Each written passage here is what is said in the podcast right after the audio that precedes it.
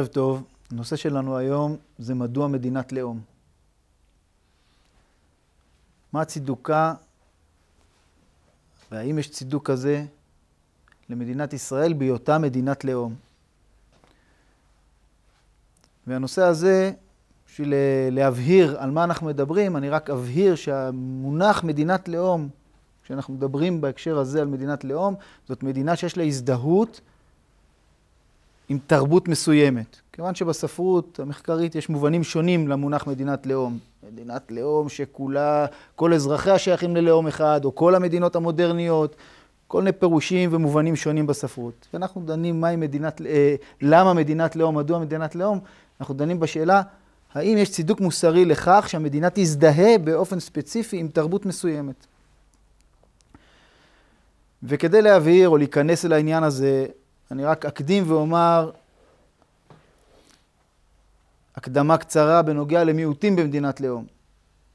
בינואר 1919 התכנסה ועידת ורסאי בסיומה של מלחמת העולם הראשונה.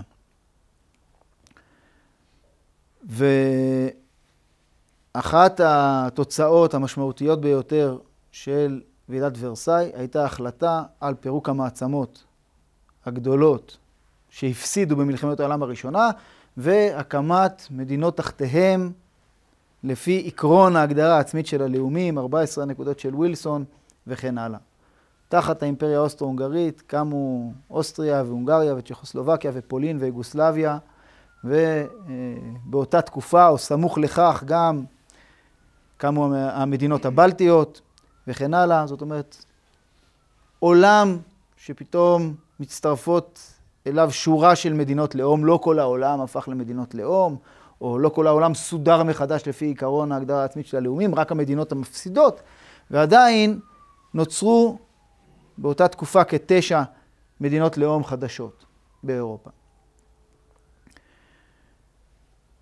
ואחד הגורמים שמאוד פחד מהתופעה החדשה הזאת של מדינות לאום היו היהודים.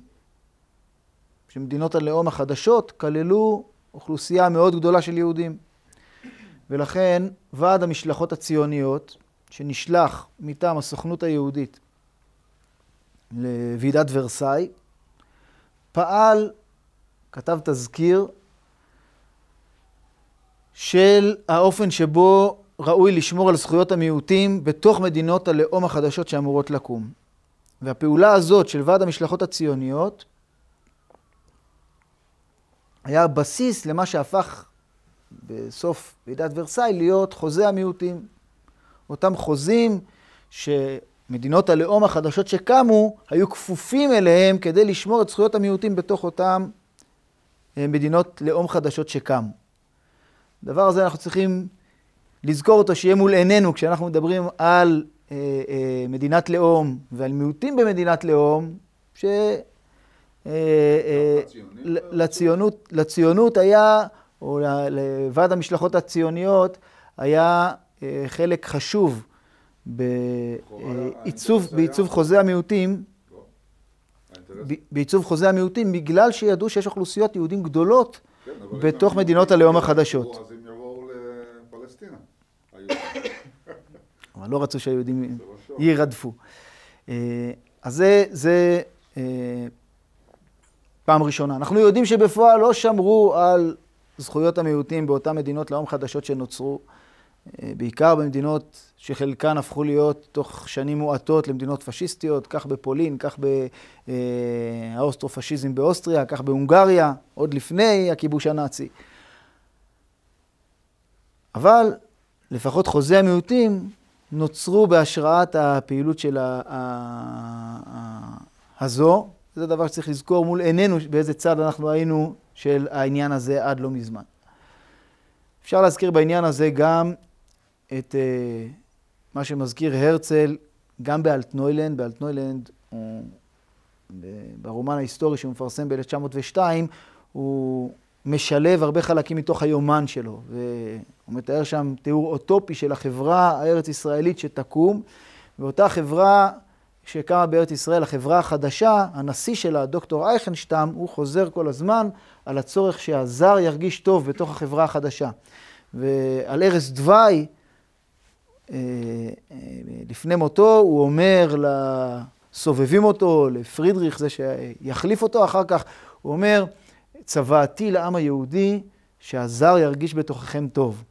הדבר הזה הוא ציטוט מתוך היומנים של הרצל, שהרצל בעצמו כותב ביומנים שלו, שבמדינה אה, שתקום, הצוואה של עולם היהודי, זה שהזר ירגיש בתוככם טוב. והעניין הזה הוא באמת היה חלק בלתי נפרד מהאוטופיה הציונית שנכתבה בשנים של ראשית הציונות, איך הוגי הציונות ראו את הבשורה של המדינה היהודית שתקום, וגם אנחנו יודעים שאחת. ההשפעות או מקורות ההשפעה, אחד ממקורות ההשפעה של הרצל היו הרב אלקלעי, שהיה ממבשרי הציונות, דרך סבו. הסבו של הרצל היה השמש בבית הכנסת של הרב אלקלעי, אחד ממבשרי הציונות.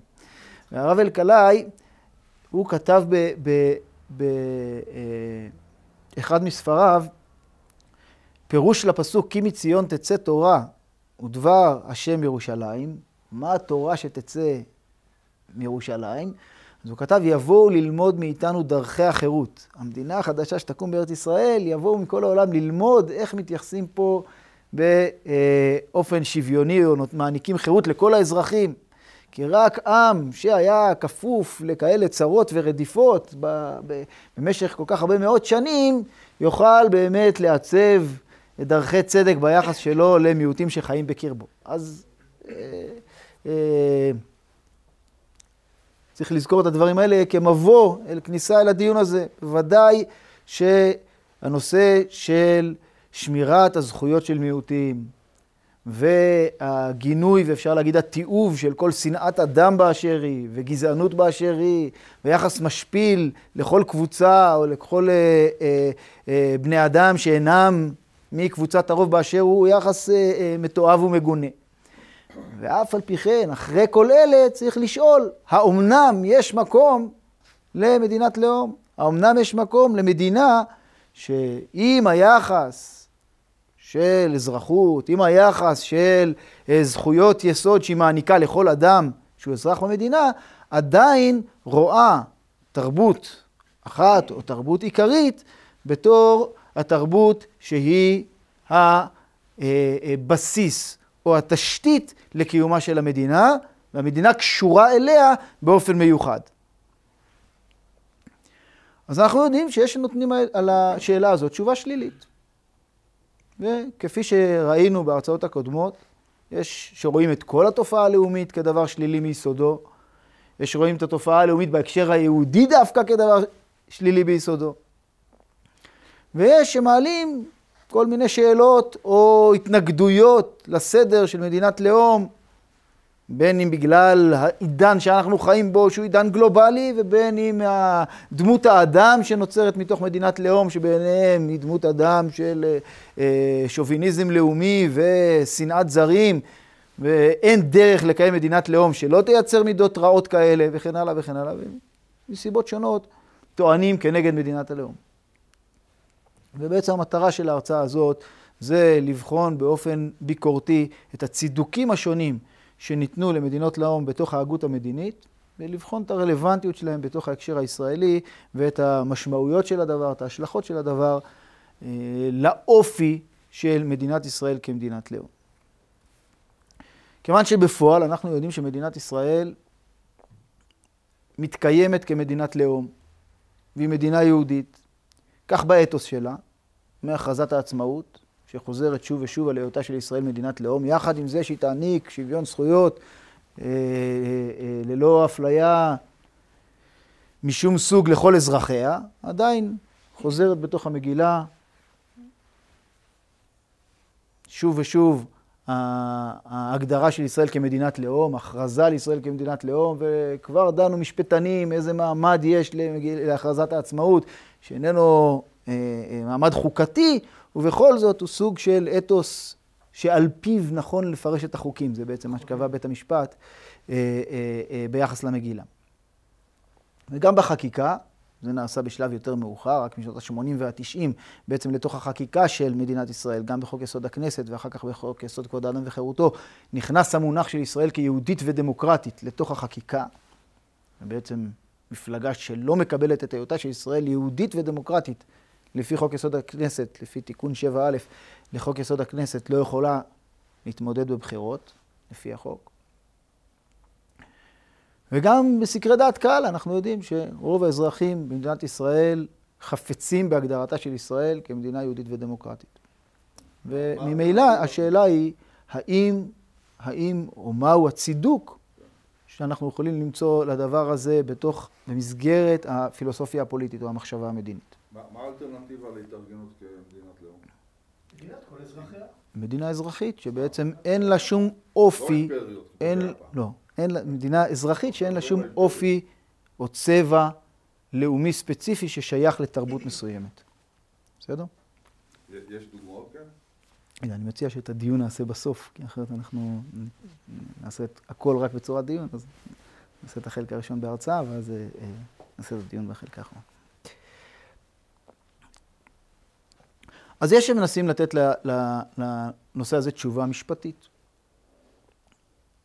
שיש זכות להגדרה עצמית לאומית במשפט הבינלאומי. אבל האמת שמבחינה משפטית הנושא הזה הוא לא פשוט כלל ועיקר. וכלל לא ברור שיש זכות מוחלטת לכל עם להגדרה עצמית לאומית. בראש ובראשונה אנחנו קשה מאוד, וזה בוודאי שאין שום הגדרה בתוך הטקסטים הבסיסיים של המשפט הבינלאומי למהו עם ואיך מגדירים עם. זה עצמו יוצר בעיה. אם אנחנו מדברים על החוקרים, אז יש חוקרים שמדברים על 600 עמים בעולם, יש חוקרים שמדברים על 5,000 עמים בעולם. וזה ברור שהשאלה איפה מותחים את הקווים, מבחינת דיאלקטים, מבחינת האם כל שפה נפרדת זה עם נפרד, האם כל תרבות אחרת זה עם נפרד, זה קבוצה אחרת, תת-תרבות זה עם נפרד, איך מגדירים את זה? כמובן זה, זה שאלה של הגדרות. ויש מאות או אלפי עמים בעולם, כיוון שיש פחות מ-200 מדינות בעולם, אה, חברות באו"ם אני מדבר, אז הפער הוא פער עצום, וברור שהמצב הבינלאומי רחוק מלהיות כזה שבו לכל עם יש מדינה. רחוק מאוד. אז אמנם הזכות להגדרה עצמית אומרת שרק עמים שרוצים מדינה יוכלו להגדיר את עצמם במסגרת של מדינה עצמאית. ועדיין יש עשרות, ולא כל מאות או אלפי העמים שאין להם מדינה, רוצים בכלל מדינה עצמאית.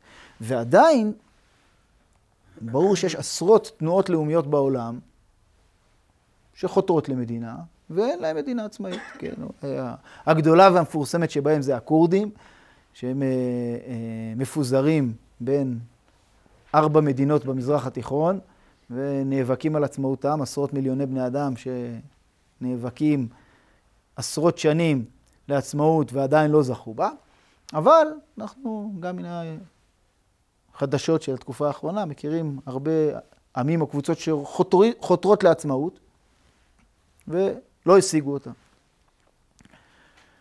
ואכן ההגדרה של הזכות להגדרה עצמית לאומית כזכות מוחלטת היא אם היא מתקבלת ככזו, היא גורם, שגורם תסיסה שבעצם מפרק את הסדר הבינלאומי המוכר לרסיסים. דוגמה לדבר, הייתה ב-1967, הייתה מלחמה גדולה בניגריה, מלחמת ביאפרה, נהרגו בה מיליון בני אדם, בגלל שבביאפרה רצו עצמאות מניגריה. אז המדינות, בעיקר מדינות כמו ניגריה, מדינה הגדולה באפריקה, כ-200 מיליון בני אדם, שמורכבת משבטים שונים ומקבוצות שונות, ברגע שמקבלים את העיקרון של הזכות להגדרה עצמית לאומית של כל קבוצה או של כל עם, זה פשוט יגרום לאין ספור מלחמות. וכך אנחנו באמת יודעים שקרה במקומות שונים בעולם, הזכרתי את ניגריה מצד אחד, בפפואה גינאה החדשה הייתה מלחמה גדולה במשך שמונה שנים בשנות ה-80 וה-90 של אה, אה, המאה ה-20, בגלל ש... אה, בני האי בוגונביל רצו עצמאות, אז הם נלחמו על עצמאותם, והיו עשרות אלפי הרוגים במלחמה הזאת. אז, אז העיקרון הזה של ההגדרה עצמית לאומית הוא עיקרון שמתסיס, כיום עיקרון מתסיס של הסדר הבינלאומי ולא מייצב אותו. ולכן צריך לשאול האם לכל העם מגיעה מגיע מדינה, ומה הקריטריון לכך. וזה אכן נושא סבוך מבחינת המשפט הבינלאומי, ויש רבים שטוענים שאכן אין מקום לתת עצמאות לכל עם שרוצה בכך, או לכל קבוצה שרוצה בכך. מהסיבה שאכן זה יערער את הסדר הבינלאומי מן היסוד. ולכן פילוסופים פוליטיים רבים מקבלים את הזכות להגדרה עצמית לאומית רק כזכות שתלויה בתנאים מסוימים. למשל, יש כאלה שמקבלים את הזכות הזאת כזכות שתקפה, כזכות להגדרה עצמית לאומית במסגרת מדינה ריבונית, רק כאשר מדובר על איום או סכנה פיזית של הקבוצה. זאת אומרת, יש קבוצות שרוצות להגדיר את עצמם, לקדם את תרבותם, אה, לפתח את אה, אה, מורשתם, אכן יש להם זכות לעשות זאת, אבל במסגרת תת-מדינתית, לא במסגרת של מדינה עצמאית וריבונית. הזכות המשפטית למדינה עצמאית וריבונית תקפה רק במקרים חריגים שבהם יש סיכון לאותה קבוצה על חייה, חיי חברי הקבוצה, אבל אחרת אין, אין זכות כזאת.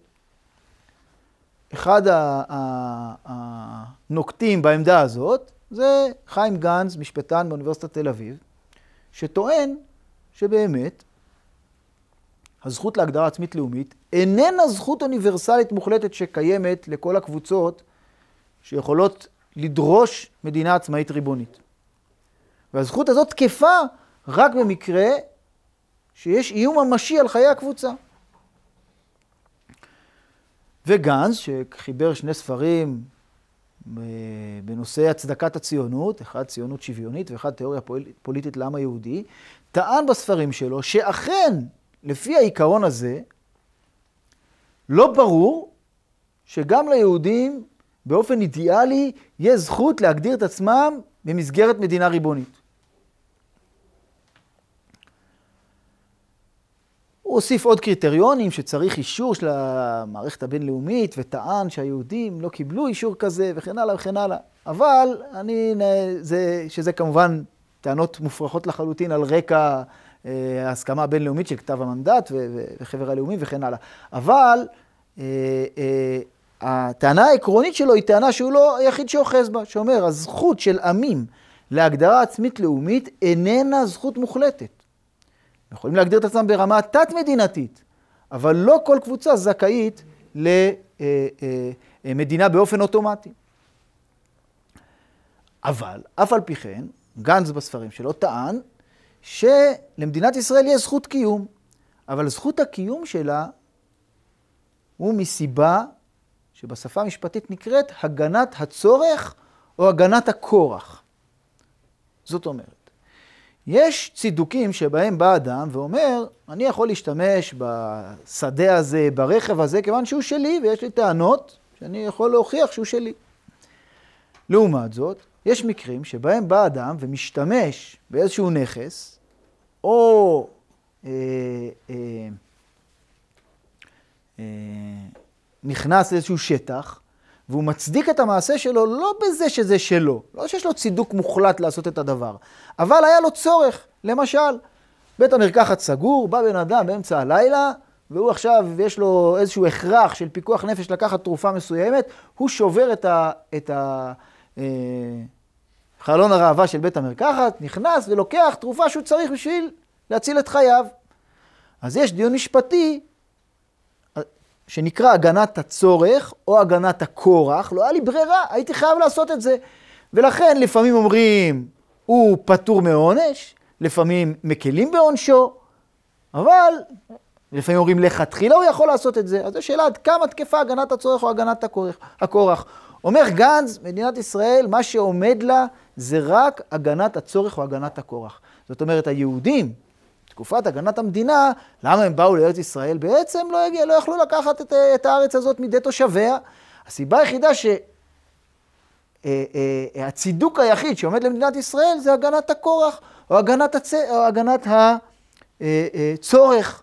אבל לולא כן, היה אסור להם הם, אה, אה, לקחת את הארץ מידי תושביה. זה הסיפור שמלמדים את כולם על הסירה של, של הספינה הטובה, כן, כן, כן, אחר כך זה התגלגל לימים, זה לא אחר כך, במקביל בעצם הטענה הזאת, טענו אותה אה, גם הסופרים שהתנגדו, ניסו להבחין בין האחיזה ביהודה ושומרון לבין האחיזה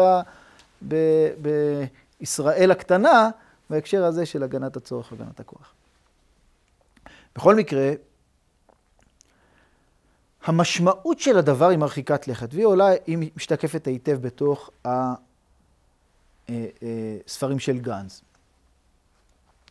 גנץ אומר, המשמעות של זה שהצידוק של ישראל הוא רק בזה שלא היה ליהודים ברירה בגלל שהיהודים נצויים בסכנה, המשמעות של זה שהאופי הלאומי של מדינת הלאום היהודית צריך להיות מאוד מאוד רזה, מאוד מינימלי.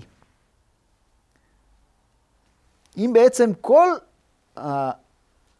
הצידוק להגדרתה של ישראל כמדינה יהודית זה רק מכיוון שאם לא נעשה כך, יהיה סכנת חיים ליהודים שחיים במזרח התיכון העוין, אז אין פה צידוק של ממש להזדהות של המדינה עם ההיבט היהודי שלה. יש פה איזשהו צורך או כורח שאנחנו יכולים אה, אה, בשמו להגן על המינימום הנדרש בשביל הכורח הזה. אבל צריך להקטין אותו למינימום, ולכן גנץ אכן מקטין את הלגיטימיות של ישראל כמדינת לאום רק לנושאים של דמוגרפיה וביטחון. אז חוק שבות מינימלי של יהודים מהעולם לישראל הוא מצדיק, אבל מעבר לזה בעצם הוא טוען שצריך למחוק את האופי היהודי של המדינה.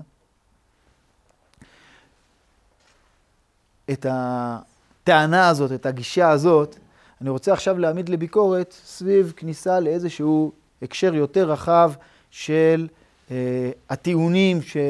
או סוגי הטיעונים שנטענים בתוך המחשבה, או נטענו בתוך המחשבה המדינית, סביב הנושא הזה של אה, לאומיות בכלל, אבל ובפרט מדינת לאום. מדוע מדינת לאום? למה בכלל אה, אה, אה, יש צידוק לסדר הפוליטי של מדינת לאום, ולפי זה לשאול את השאלה, האומנם האופי המתבקש של מדינת הלאום הוא אופי מינימלי, שהולך רק לנושאים של ביטחון ודמוגרפיה, או שנכון להרחיבו. כמובן, לא נוכל לשאול את השאלות המפורטות עד כמה להרחיבו בתוך סוגיות ספציפיות, אבל לפחות ברמת העיקרון, עד כמה מדינת הלאום אמורה להיות מדינה רזה או מדינה עבה מבחינת אופייה הלאומי. אז אני רוצה למנות ארבעה קבוצות של טיעונים בזכות מדינת הלאום, שנטענו בתוך המחשבה הפוליטית. טיעון אחד זה הטיעון הלאומי, טיעון שני זה הטיעון הרפובליקני, טיעון שלישי זה הטיעון התועלתני, וטיעון רביעי זה הטיעון הדמוקרטי. אני אזכיר אותם בקצרה, ואחר כך אתייחס לחלוט שלהם בתוך ההקשר הישראלי. אז יש לנו את הטיעון הלאומי. הטיעון הלאומי הוא טיעון, וכמו שאמרתי, זה קבוצת טיעונים, מכיוון שאנחנו מדברים בעצם על הוגים שונים, בתקופות שונות, שהעלו את הטיעונים האלה, ויש הבדלים ביניהם וניואנסים ביניהם, אבל אפשר להכליל את כולם עדיין תחת הכותרת הזאת של הטיעון הלאומי. הטיעון הלאומי בעצם אומר שישנן עמים או לאומים בעולם, וראוי להגן עליהם, וראוי לאפשר להם להתקיים בתוך מסגרת מדינית משלהם, או כדי להגן עליהם מבחינה פיזית, או כדי להגן עליהם מבחינה תרבותית, שזה לא אותו טיעון כמובן. או שהם נתונים לאיום של הכחדה פיזית, או של איום של הכחדה תרבותית, ולכן ראוי להגן עליהם. למה צריך להגן על תרבויות שעומדות בפני הכחדה תרבותית? אז יש, שוב, לא כולם מסכימים לזה, אבל יש בתוך ההגות הפוליטית רבים שאומרים שהמגוון התרבותי שקיים בעולם הוא חלק מהאופי האנושי הייחודי שעליו אנחנו רוצים להגן. אז מרנן ועד וולצר בן זמננו, אנחנו יכולים למצוא הוגים פוליטיים שתומכים בשימור המגוון התרבותי של האנושות.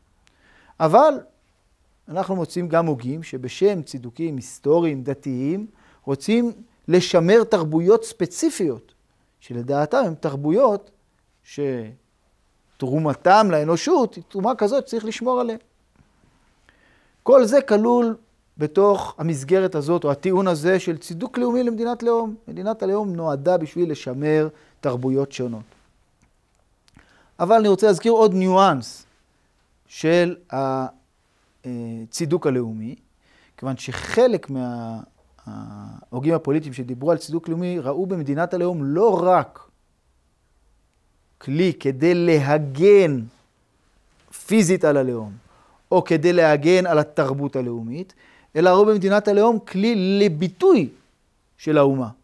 זאת אומרת, לאומה יש, או ללאום, יש מורשת מסוימת, ערכים מסוימים, שחלק ממרחב הביטוי של הלאום זה בתוך המרחבים אה, אה, אה, הפוליטיים, בחקיקה, בצורת משטר. גם המסגרות האלה, הפוליטיות, מבטאות או יכולות לבטא מורשת מסוימת. למשל, אחד ההוגים שאנחנו מוצאים אצלו את הנושא הזה בצורה מאוד מאוד ברורה, זה אדמונד ברק, אבי השמרנות האירופית, שמדבר על זכות ההורשה של הכתר באנגליה, או על האצולה האנגלית ושימור האצולה האנגלית בתור אחד מדרכי הביטוי של העם האנגלי. זאת אומרת, זה לא רק הצורך לשמר את, זה לא רק כמו, אם אני אקח את הדוגמה להוגים אה, אה, מהסוג הראשון, מציני באיטליה או מישלה בצרפת, הם תומכים במדינת הלאום הצרפתית או האיטלקית, שהיא משמרת ומטפחת את המורשת של אותה אומה. אבל ברק מדבר מעבר לזה, על זה שהמסגרות הפוליטיות הם בעצמם מרחב שדרכו האומה צריכה להתבטא, לא רק מה ששומר על האומה. אז זה, כמו שאמרתי, צידוק אחד שהוא צידוק לאומי. מדינות לאום נועדו כדי לשמור על העמים וכדי לשמור על המגוון הלאומי של האנושות. אבל יש שהדגישו בהקשר הזה של מדינות הלאום היבט אחר, לא ההיבט של שימור העמים והלאומים, אלא דווקא את האופי שמתפתח בתוך מדינת לאום. דווקא מדינת לאום יש בה יתרון מבחינת האופי האנושי שמתפתח בתוכה. זה הטיעון השני. הטיעון השני שקראתי לו הטיעון הרפובליקני. אנחנו מוצאים את, את ההיבט הרפובליקני שמדגיש את הצורך של האדם להיות חלק מן הכלל, לתרום לכלל, להעדיף את טובת הכלל על פני טובתו האישית, אנחנו מוצאים את זה כבר אצל אריסטו. את הטענות האלה, מה שלפעמים נקרא אה, גישה רפובליקנית, שמעדיפה את עניין הציבור על פני טובתו של היחיד. רואה ערך בפעילות הפוליטית ורואה את האדם כיצור פוליטי, שהמעורבות הפוליטית שלו היא מאפיין יסוד בתוך הזהות האנושית שלו אפילו. אבל אצל אריסטו למשל הדבר הזה לא מתבטא בצורה מפורשת כמשהו לאומי. היותו של אדם יצור פוליטי, משמעותה שהאדם נוטל חלק וצריך ליטול חלק בתוך הפעילות הפוליטית ובתוך הפעילות של החקיקה, שהיא מבטאת את ההיבט המוסרי שבאישיות שלו, המאבק שלו על הצדק, המאבק שלו, המאבק שלו על הנכון, על האמת והשקר, על הטוב והרע, אז זה מעורבות בחקיקה. אריסטו לא מדגיש את הממד הלאומי דווקא. לעומת זאת, הוגה כמו מונטסקיה באמצע המאה ה-18, בספרו על רוח החוקים, הוא דווקא מדגיש, כשהוא מדבר על צורת המשטר של דמוקרטיה, של, שהיא אחת הגרסאות של רפובליקה, כמו באופן שהוא מנסח את זה, כשהוא מדבר על דמוקרטיה, הוא מדבר על זה שעקרון היסוד של הדמוקרטיה חייב להיות אהבת המולדת ואהבת החוקים, והעדפת האינטרס הציבורי על פני האינטרס האישי. מכיוון שכדי לקיים משטר דמוקרטי חייבים שהעם, שהוא בעצם הריבון, יאהב את אה, אה, אה, הארגון שאותו הוא מנהל. ואז הוא שואל את השאלה, איך תיוולד אצל ההמון בתוך הדמוקרטיה, איך תיוולד אצלו אותו אהבת המולדת ואותה אהבת החוקים ואותה נאמנות לצורכי הכלל ולרצון הכלל ולאינטרס הציבורי. והתשובה של מונטסקה קשורה ברוח החוקים שמשתנית ממקום למקום. ומונטסקיה לא מדבר על איזושהי חוקה אוניברסלית שאמורה להתאים לכל העמים, אלא התבונה מתבטאת אצל כל אומה לפי המסורת הספציפית שלה, לפי הדת שלה, לפי ההיסטוריה שלה, לפי האקלים שלה, לפי התנאים הגיאוגרפיים שלה, וכן הלאה וכן הלאה. זאת אומרת, כדי להצליח לטפח דמות אדם רפובליקני, שמעורב בענייני הציבור, מעורב בענייני הכלל, מסור ואכפתי לאינטרס הציבורי, יש צורך במסורת מקומית שמאפשרת לאדם להזדהות או להוות אה, אה, אה, מרכיב מתווך בחיבור שלו אל המדינה. ובעניין הזה, התפיסה הרפובליקנית היא בעצם קרובה ל... אה, אה, או מהווה סוג של צידוק במדינת לאום, כשמדינת הלאום היא זו שבעצם אה, מאפשרת את דמות האדם הרפובליקני שמסור לענייני הכלל ומעורב בענייני הציבור, ובפרט כמובן הנושאים האלה תופסים מקום בתקופתנו בצורה חדשה, עם הגות ניאו-רפובליקנית ששואלת את השאלות האלה על היכולת של אזרחים להיות מעורבים בענייני הציבור, על רקע התפשטות התפיסות האינדיבידואליסטיות והריחוק של בני אדם או של אזרחים, בעיקר במדינות גדולות, מהעניינים הציבוריים, משותפות אה, פוליטית, ממעורבות ואפילו הצבעה בבחירות במקומות שאין חקיקה שמחייבת לעשות את זה, אז השאלות האלה כמובן עולות באופן חדש. אה, אה, ומעוררת תשומת לב חדשה לנושא הזה של היכולת לעצב דמות אדם רפובליקני בתוך חברות מודרניות. הצידוק השלישי הוא צידוק, צידוק תועלתני, וזה אנחנו מוצאים כבר במאה ה-19 בצורה ברורה אצל מיל, של מיל הוא מאבות הליברליזם המודרני, אבל בספרו ממשל של נציגים, בפרק ה-11 הוא מקדיש פרק שבו הוא מצדיק את הסדר של אה, מדינות לאום, והוא בעיקר משתמש בצידוקים תועלתניים. זאת אומרת, מדינת הלאום היא טובה מכיוון שהיא מועילה לשרידות הטובה של המדינה, או לקיום המיטבי וה... או לשגשוג המדינה. במה היא מועילה? היא מועילה בראש ובראשונה בזה שהיא מייצרת פטריוטיות אצל האזרחים. אם מדינת לאום מובילה לפטריוטיות, אז זה עוזר למדינה לשרוד. היא, היא מובילה לזה שיש יציבות יותר בתוך החברה, מכיוון שאם בני אדם מלוכדים סביב איזה רעיון מלקט, סביב מסורת, סביב מורשת שמחזיקה אותם יחד, אז יש סיכוי שהם פחות יילחמו זה בזה. יש סיכוי שפחות השלטון ינצל לרעה את הכוח שלו נגד קבוצות מסוימות שהוא מזהה אותן כקבוצות של מחוץ אל הרעיון המשותף הזה. וגם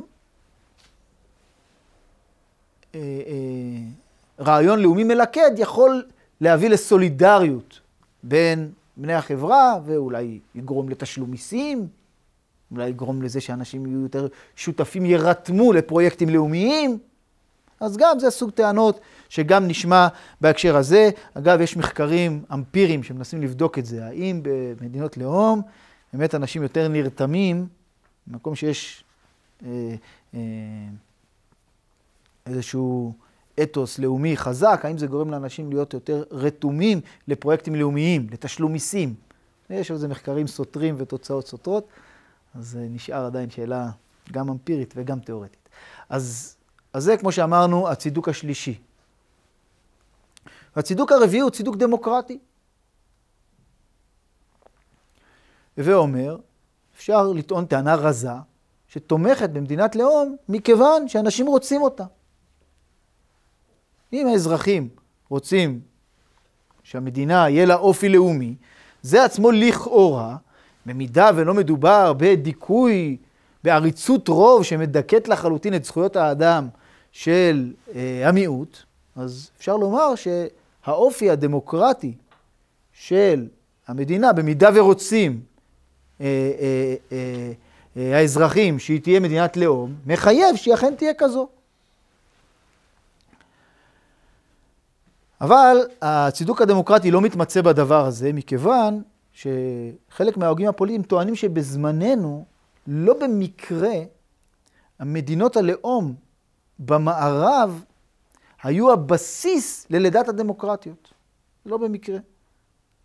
היסטורית אנחנו יודעים שכך היה הדבר, שבעצם מדינות המערב נולדו כדמוקרטיות, פחות או יותר כדמוקרטיות, אם אנחנו נתעלם מהניצנים של הדמוקרטיות בארצות הברית, בצרפת, בבריטניה, בעצם הסדר של מדינות דמוקרטיות מופיע במפנה המאה ה-19 וה-20, והוא צומח על רקע ההתגבשות וההתחזקות של האופי הלאומי של מדינות המערב.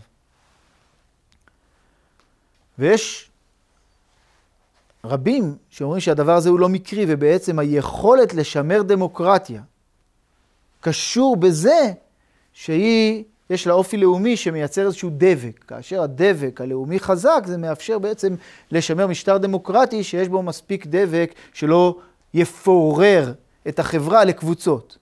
אבל כאשר הדבק הלאומי לא קיים, אז בעצם דווקא המשטר הדמוקרטי יכול להוות בסיס לריסוק של החברה לאינדיבידואליזם ולקבוצות.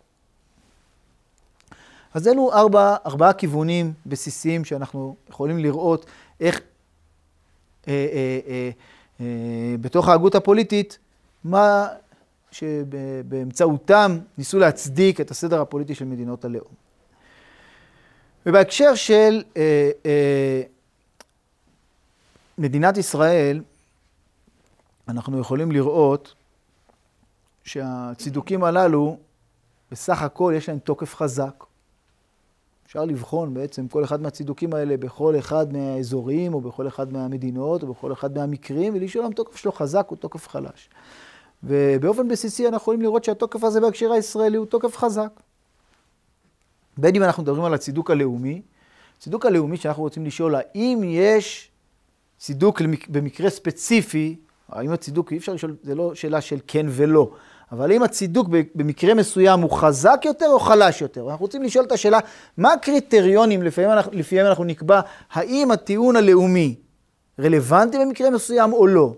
אז הטיעון הלאומי שבעצם מדבר על הגנה על הקבוצה, בין אם הגנה פיזית ובין אם הגנה אה, אה, תרבותית, הוא, צ... הוא מתחזק ככל שאנחנו מדברים על קבוצה מובחנת, שיש לה תרבות מובחנת, שממילא יש עליה איום ואפשר להגן עליה, ומצד שני, ככל שיש על הקבוצה הזאת יותר איום פיזי.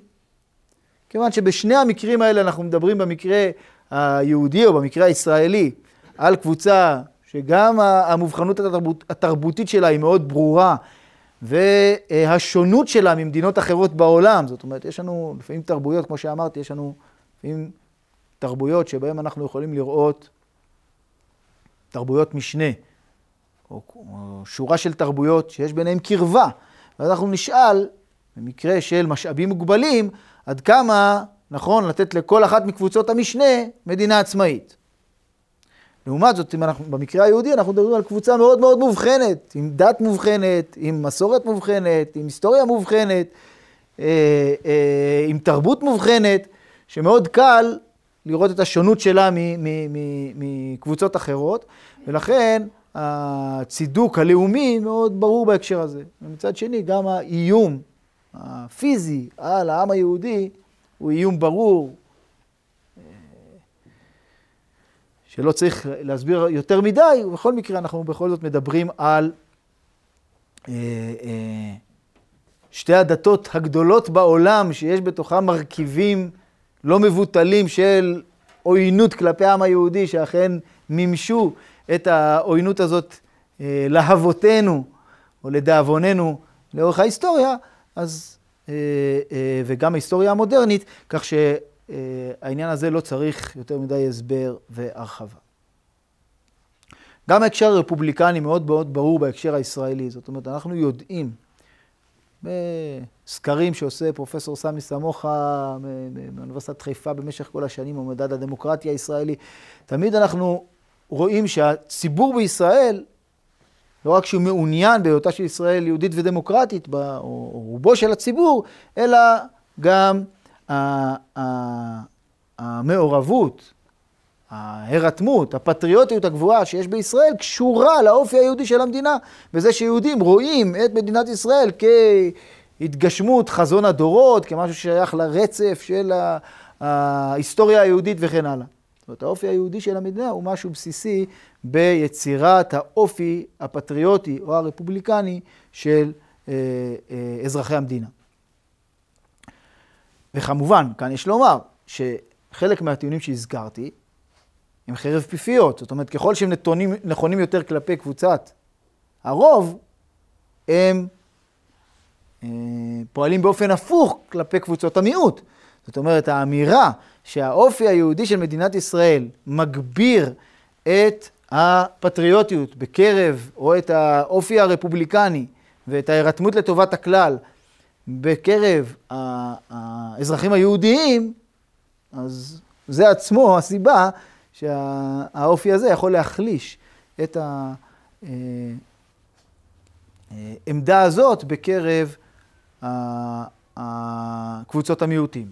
ופה צריך לשקלל כמובן את, ה, את הרווח ואת ההפסד, מה שמרוויחים אצל קבוצת הרוב ואצל קבוצת המיעוט.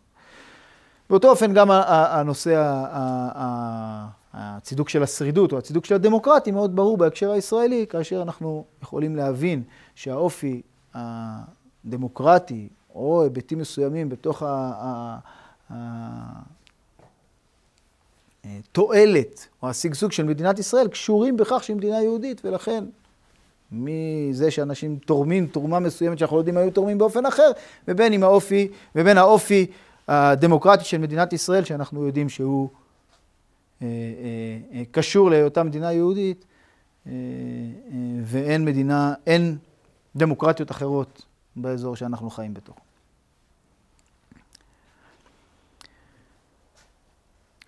אבל מעבר לצידוקים האלה, אני רוצה להזכיר עוד סוג של טיעון שעלה בתוך הדיון הזה על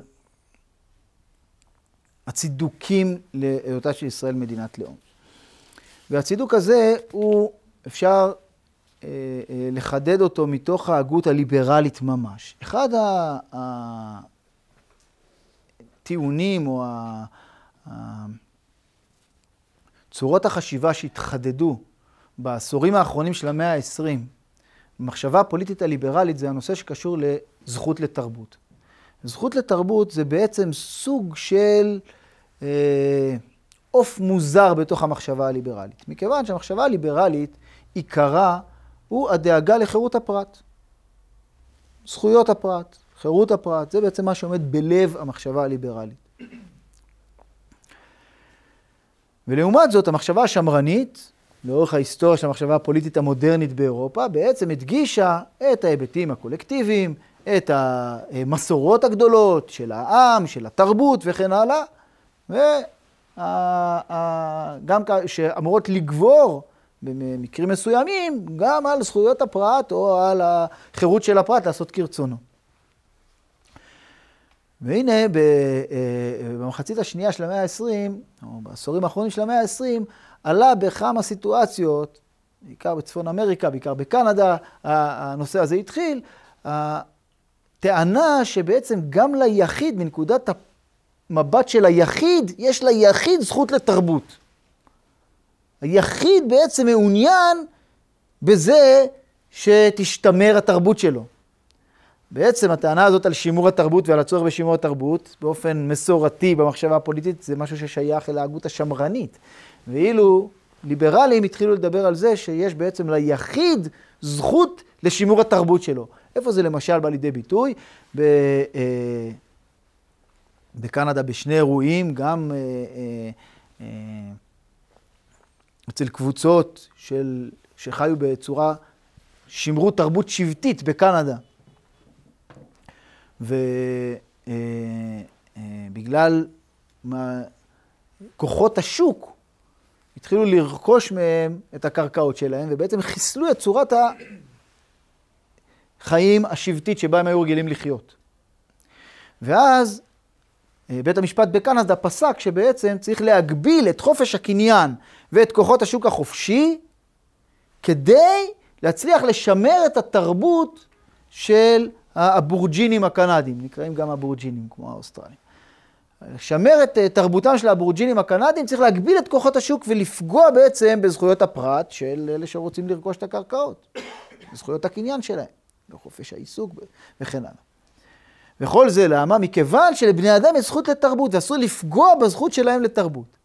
לחילופין, בקוויבק היה בעייתיות אחרת, שם בקוויבק, אזור שפרנקופילים, זאת אומרת, שמשתמרת בתוכו התרבות הצרפתית והשפה הצרפתית, ובקוויבק העבירו חקיקה שבה בתי עסק ממספר מסוים של עובדים צריכים להתנהל או לפרסם את השלטים שלהם ואת המסמכים שלהם בשפה הצרפתית, או להתנהל בשפה הצרפתית, וכל זה כדי שהשפה הצרפתית תוכל להשתמר בתוך סביבה, תוך קנדה כולה שהיא דוברת אנגלית, ובתוך צפון אמריקה, צפון אמריקה כולה שהיא דוברת אנגלית. אז בשביל לשמר את הצרפתית, הגבילו את זכויות הפרט של אזרחים בקוויבק. ועלתה השאלה אם הדבר הזה לגיטימי או לא. ושוב, בתי המשפט בקנדה, בשם הזכות לתרבות של היחידים, לא של האומה כאן, הקוויבקית, אלא בשם הזכות לתרבות של היחידים, אנחנו רוצים, לש... אה, אה, שמגיע להם לשמר את תרבותם, אנחנו פוגעים בזכויות הפרט של אה, אחרים שרוצים להקים עסקים בקוויבק בשפה האנגלית. ומשם התפשט הנושא הזה לכל העולם, וגם בישראל כבר היו לנו פסיקות שמבוססות על הנושא הזה של הזכות לתרבות אה, אה, של קבוצות מסוימות, בדרך כלל של קבוצות מיעוטים. וסביב זה אני רק רוצה לחדד את זה שיש קבוצות שבהן התרבות נוגעת בעיקר לעניינים של פולקלור, של אה, מיתוסים, של שפה, של אה, ריקודים וכן הלאה, כל מיני דברים שבהם התרבות נוגעת. אבל יש תרבויות שבהם התרבות קשורה אל האופי המדיני.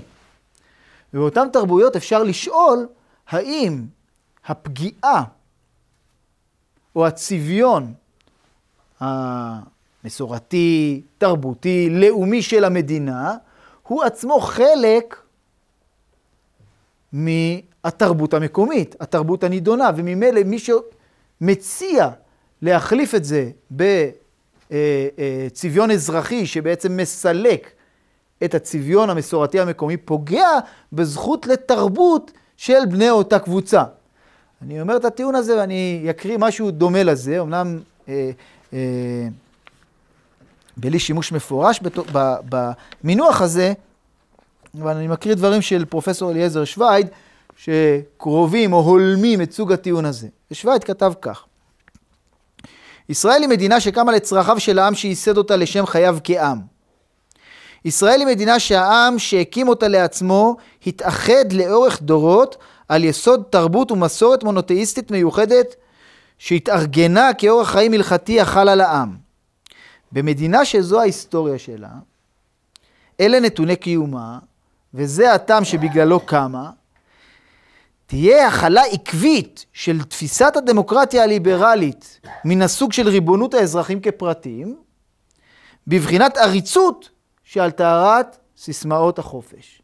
זאת אומרת, שווייד טוען את הטענה הבאה, בתרבות שבה הצביון המדיני של החיים הציבוריים הוא חלק מהתרבות, אם אתה מציע להכיל עליה דמוקרטיה אינדיבידואליסטית שמפרקת לחלוטין את הצביון או את המרחב הציבורי הלאומי המשותף, ואיננה דואגת אלא לזכויות הפרט של היחידים, אתה בעצם בעבור רבים מבני העם, אתה שולל מהם את הדבר שמבחינתו הוא היסוד הקיומי של המדינה.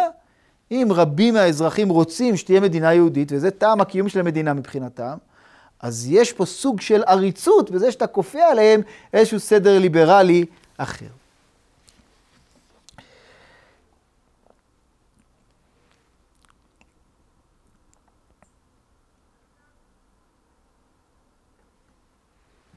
טוב, נסכם את מה שראינו וננסה אה, אה, אה, לסנכרן בתוך כל שורת הטיעונים האלה או נקודות המבט. כיוון שראינו נקודות מבט שונות או טיעונים שונים שעלו בתוך המחשבה הפוליטית, למה מדינת לאום? אבל נשאלת השאלה, האם יש איזשהו מדד או כלי או קריטריון שדרכו אפשר לשקלל בין הטיעונים האלה? עד כמה הטיעון הלאומי הוא טיעון מכריע, עד כמה טיעון תועלתני כזה או אחר, בגלל שלאומיות מחזקת אה, פטריוטיות או סולידריות, עד כמה זה אה, אה, טיעון מכריע או, או משמעותי, עד כמה הטיעון הדמוקרטי, הטיעון הרפובליקני, על אופי האדם בתוך מדינה לאומית או בתוך מדינה אזרחית, צריך להשפיע על ההחלטה בדבר האופי של המדינה. טוב, אז זה נושא מאוד מורכב. וקשה אה, אה, אה, אה, למצוא בתוכו קריטריונים ברורים. ובכל זאת אני רוצה אה, להעלות קריטריון אחד, שהוא קריטריון שמעלה אותו אמיתי עציוני, אה, פילוסוף פוליטי קומיוניטרי שחי בארצות הברית, במקור ישראלי, אבל אה, רוב חייו חי בארצות הברית, והוא בהקשר של אה, איזון בין זכויות שעלה בעיה שעלתה סביב מדיניות החוץ האמריקאית, הוא הדגיש את הטיעון של חיים מעל הכל. בהקשר למה עלו הדברים?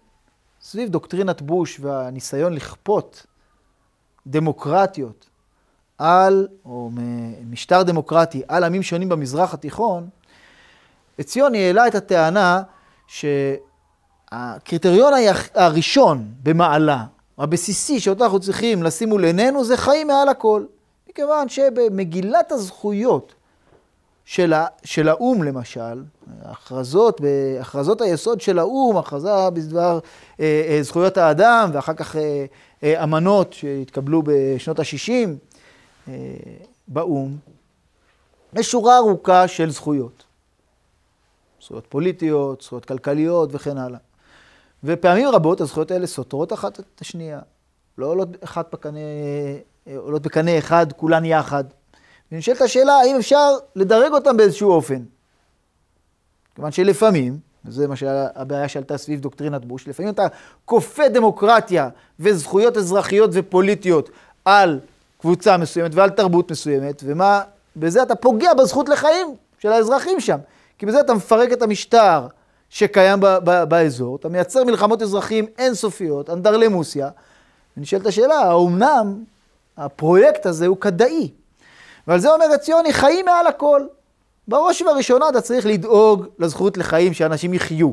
ולכן, מבין הקריטריונים השונים, כאשר אתה דן בסוגיה רב-ממדית ומורכבת, שאלה בסיסית היא חיים מעל הכל. אחרי כן, נושאים האחרים. ולכן, אם ננסה מתוך שלל הטיעונים האלה לשאול מה הטיעון המכריע, הראשון, הראשון במעלה, אפשר להעלות את הטיעון שהנושאים שנוגעים לקיומם הפיזי של היהודים בהקשר של מדינת ישראל הוא מעל הכל. ולכן, בראש ובראשונה אפשר לומר, הצידוק להיותה של ישראל מדינת לאום הוא בזה שזה מה שמאפשר את קיומה של מדינת ישראל בתוך המרחב העוין שבתוכו אנחנו חיים. זה אפשר לצרף לזה את הטיעון השרידותי בתוך הצידוק התועלתני. זה מאפשר לזה שאנשים הם, הם מגויסים לענייני המדינה, פטריוטים, נכונים לשמור עליה, להגן עליה. זה דבר בסיסי שמאפשר את קיומה, וממילא את קיומו של העם היהודי היושב בציון. וזה, וזה כמובן, בזה, אני מסכים דבריו של גנץ, שאפילו הצידוק השרידותי לבד דיו כדי להצדיק את אופייה של ישראל כמדינה יהודית. זה אכן משמעות הדברים. אפילו הצידוק השרידותי לבדו דיו כדי להצדיק את ישראל כמדינה יהודית, מכיוון שלפי העיקרון שחיים מעל הכל, בלי האופי היהודי של המדינה, קשה לראות את מדינת ישראל שורדת באזור הזה, ואפילו אה, אה, אה, אפילו כותבים כמו גנץ מסכימים לטיעון הזה. אלא שלפעמים הטענה הזאת עצמה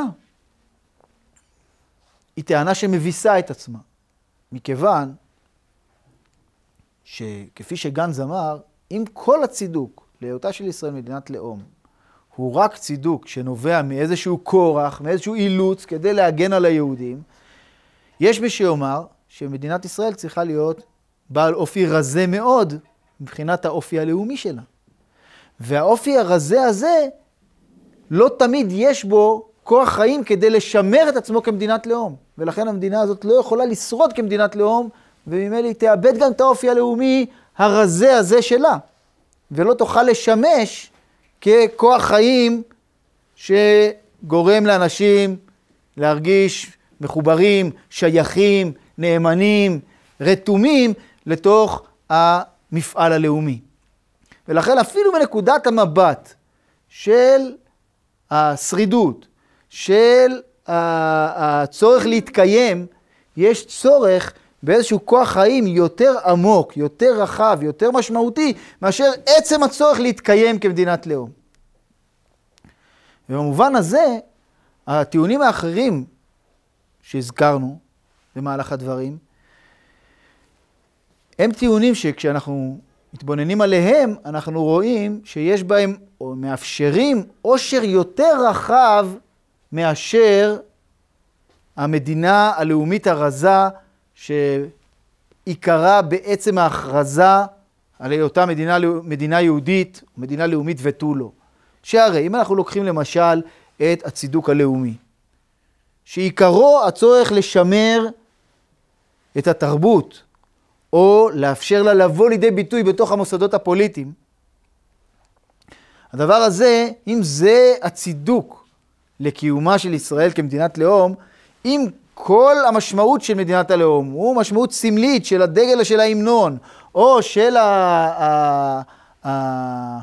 ה... או רק ההקשר המינימלי של הביטחון והדמוגרפיה שמעוגן בחוק השבות, אם זה כל המשמעות של היותה של ישראל מדינת לאום, נשאלת השאלה, האומנם זה משהו, זה איזשהו ערך תרבותי או נכס תרבותי משמעותי דיו שעליו ראוי להגן? הצידוק הזה בעצם מניח את זה שיש פה איזשהו משהו יותר עשיר מאשר עצם ההכרזה או על המדינה בשמה או בסמליה הבסיסיים כמדינה יהודית. אותו דבר כשאנחנו מדברים על הטיעון הרפובליקני. הטיעון הרפובליקני שיכול לייצר בני אדם שירגישו שייכים אל המדינה, מחוברים אל המדינה, נכונים להירתם לפרויקטים לאומיים. הטיעון הזה מבוסס על ההנחה שהתרבות היא עשירה דייה והמדינה קשורה אליה באופן עמוק מספיק כדי לייצר את אותה התרחשות בקרב האזרחים, שאם לא כן, הטיעון הזה בטל או הטיעון הזה אין לו תוקף. באותו אופן אפשר אה, להעמיד את הדברים גם כלפי הטיעונים התועלתניים. הטיעונים התועלתניים גם הם תלויים בזה שהמרחב אה, אה, של הזהות הלאומית בא לידי ביטוי בתוך החקיקה, או בתוך הסמלים של המדינה, או בתוך התרבות שהמדינה מקדמת, במשהו שהוא יותר רחב מאשר הדבר המינימלי של עצם ההכרזה עליה כמדינה יהודית. אז התמונה הזאת בעצם מבהירה לנו ש... אם ברמת הצידוק הבסיסי אה, אה, אנחנו יכולים להסתפק בטיעון של הגנת הכוח או הגנת הצורך, או כל הגנה אחרת שבעצם אומרת אולי מדינות לאום זה לא סדר הכי מוצלח בעולם בהקשרים אחרים. אולי. אבל כמו שאמרנו, אה, גנץ אומר במקרים של איום ממשי על קיומה של תרבות האומה, אז יש לה איזשהו צורך או כורח לייצר מדינת לאום בעל אופי מינימליסטי. הדבר הזה אולי נכון בתור רף מינימום, אבל הצידוקים השונים שראינו במהלך הדברים בעצם מבהירים שיש מנעד רחב הרבה יותר בתוך המחשבה הפוליטית שמאפשר לחשוב על לאומיות או על מדינת לאום בתור בסיס שיכול להניע או להפיח חיים בתוך האומה, בתוך תרבות, בתוך, בקרב אזרחים, כדי אה, אה, אה, אה, להביא לשגשוג או להביא לחיים מלאים יותר ועשירים יותר, מעבר אל המינימום הבסיסי שעליו אפשר להתבסס כאשר אנחנו מדברים על עצם הצידוק להיותה של ישראל מדינת לאום.